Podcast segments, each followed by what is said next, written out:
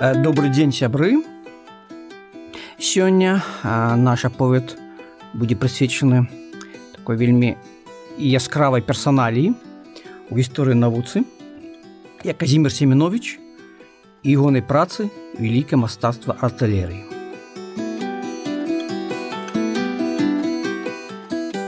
казімир семенович як мяркуецца нарадзіўся сам пачатку 17 стагоддзя нават 1600 годзе Пражыў ён каля 50 ну может быть 51 год.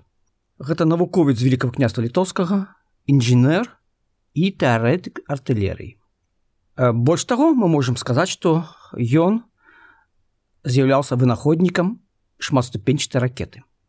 У 17 стагоддзе казімир семенович першым выказаў абрунтаваў і апісаў ідэю шматступенчатай ракеты фактычна прататыпы тых ракет што больш за паўстагоддзя выводзіць на арбіты касмічныя апараты ну і таксама могуць вывесці самую небяспечную зброю.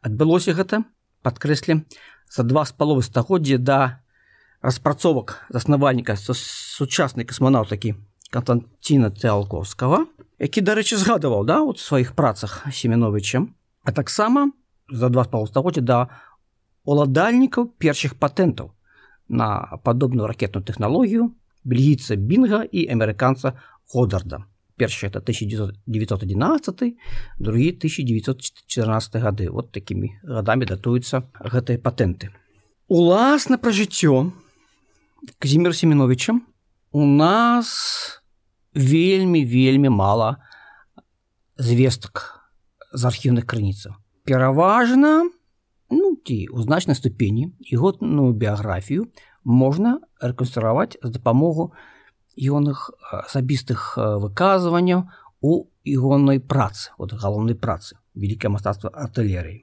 Такім чынам пра жыццё і паходжанне семеновича вядома вельмі мала і як бы тут ёсць э, два скажем так полюсы інтэрпрэтацыі этнічнай гэтага даследчыка і дзеяча умоўно назовем давайте беларускі і літоўскі сучасным сэнсе слова полюсы. У свой час беларускія даследчыкі бельскі і ткачо сцвярджалі што семенович нарадзіўся каля дуброўны на віцепщине у сям'і дробных князёў семеновичаў якія не валодалі невялікімі землямі у гэтай часы паднепров'я у 14-17 стагоддзях Ну і дарэчы да, да гэтага нават прыводзіліся некаторыя прыклады лексікі самого семеновича.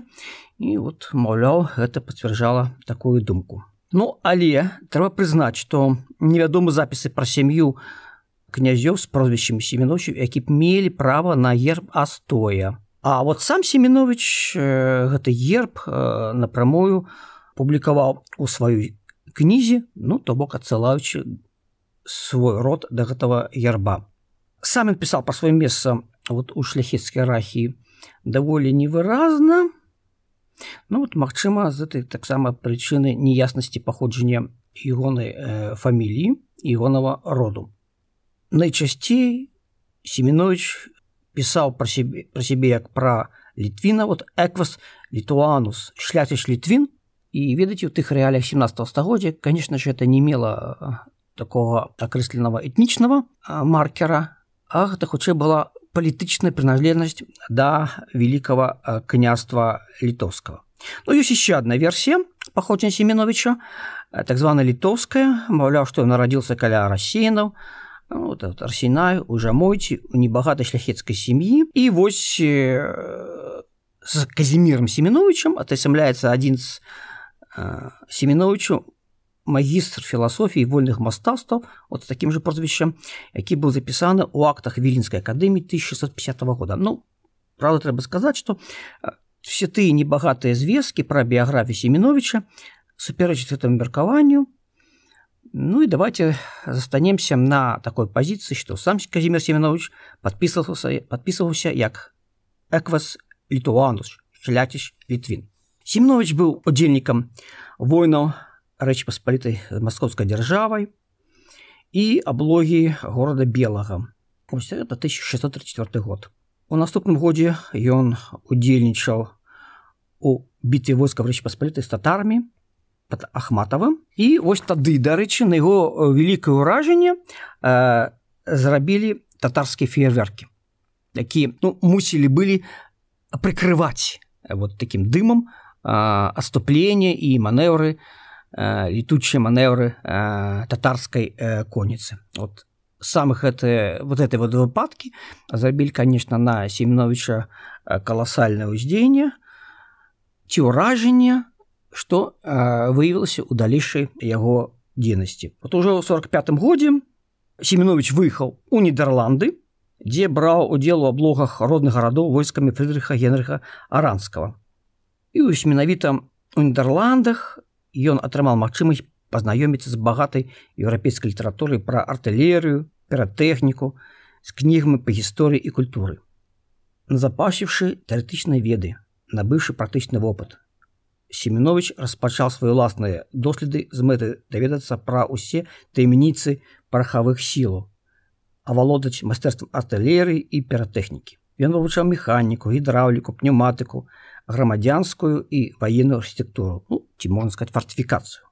А таксама фізіку, хімію, матэматыку засвоіў такія важныя рамёствы, як разьба па дрэве і метале, адліку гармат з металу ды іншыя. Вельмі верагодна, што кароль і вялікі князь Уладзіслав IV падтрымліваў таленавіта феерверкера і даваў патрэбныя сродкі, каб Казімир Цемінович меў магчымасць вывучаць зброю ў еўрапейскіх арсеналах. Даволі хутка у 1646 годзе Семенович павярнуўся ў рэч паспалітую і, магчыма, ён быў аскліканы на радзіму каралём Владіславом IV з мэтаю збору артылерыйскіх спецыялістаў для вайны з туркамі. Семенович быў прызначаны інжынерам у каронную артылерыю, ну а ў 48 годзе ён атрымаў пасаду намесніка начальніка артылерыі кароны і разам 12 гарматнікамі выязджае на вайну з казакамі. Па ўласнай ініцыятыве, а часта і свой кошт ён праводзіў эксперыменты у вонкавай і ўнутранай балістыцы, рабіў шматлікія запускі ракет. Пасля паражэння польскага войска ад казакаў Богдана Хмельніцкага гэта адбылося пад піляўцамі, Семенович выйшаў у адстаўку ў званні генерал-лейтенанта карон артылерыі і атрымаў дазвол зноў выехаць у Нідерланды.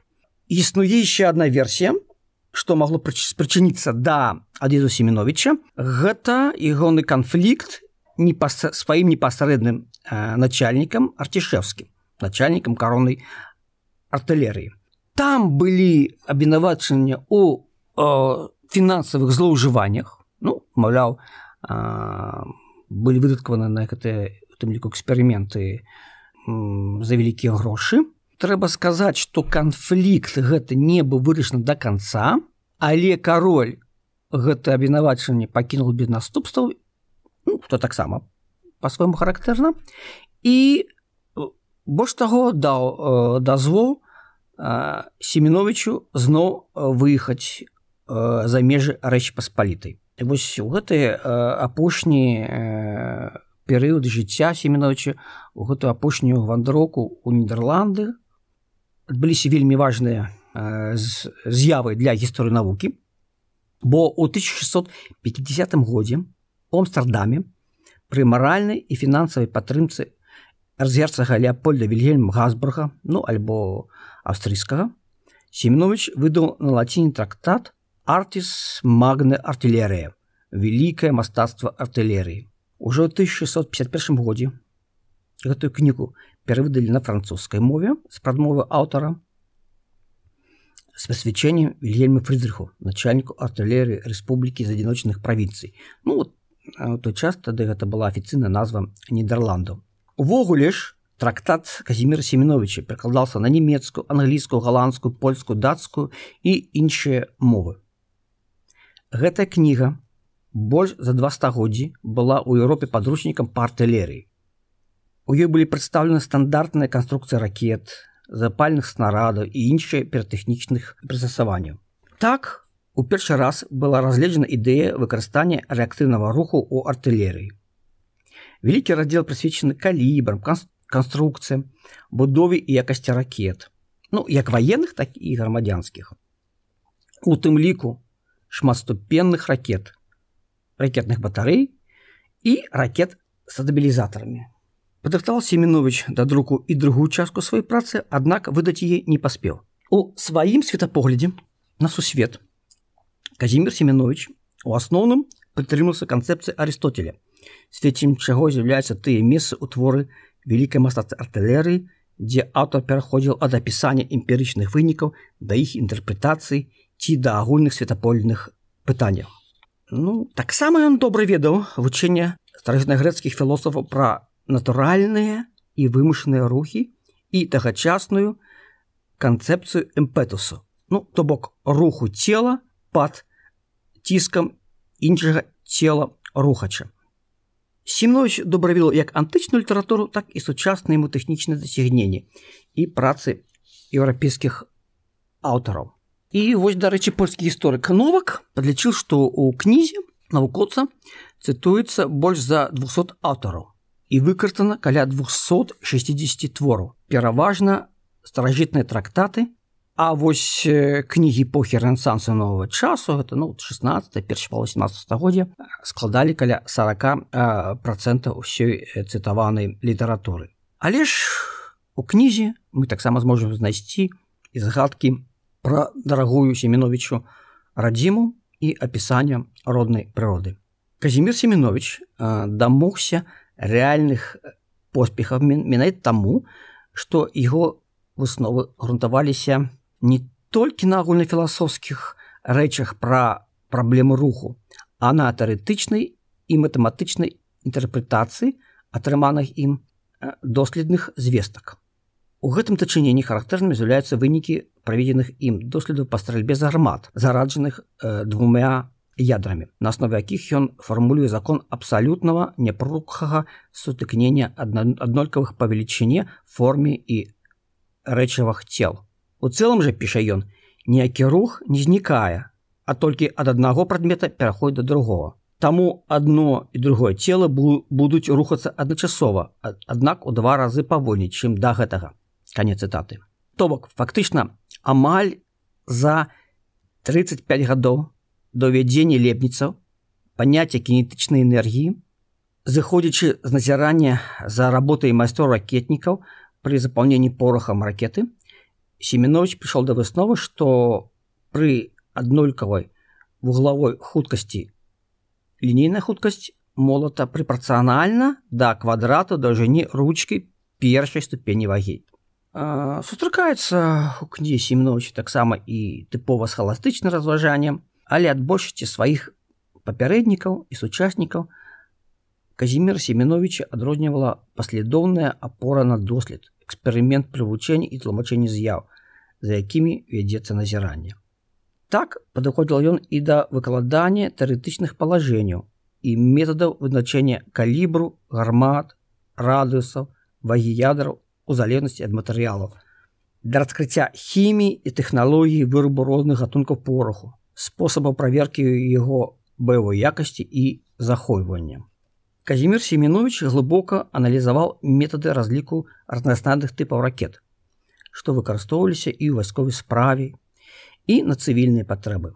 Даў апісанне канструкцыяў і спосаба вырабу некалькіх десяткаў тыпаў ракет, у тым ліку ракет з хвастамі стабілізатарамі, ракет, якія запускаліся са спецыяльных станкоў ды іншыя. Асабліва цікавыя для сучасных гісторыкаў навукі і тэхнікі звесткі пра састаўныя звязкі ракет і шматступенныя ракеты.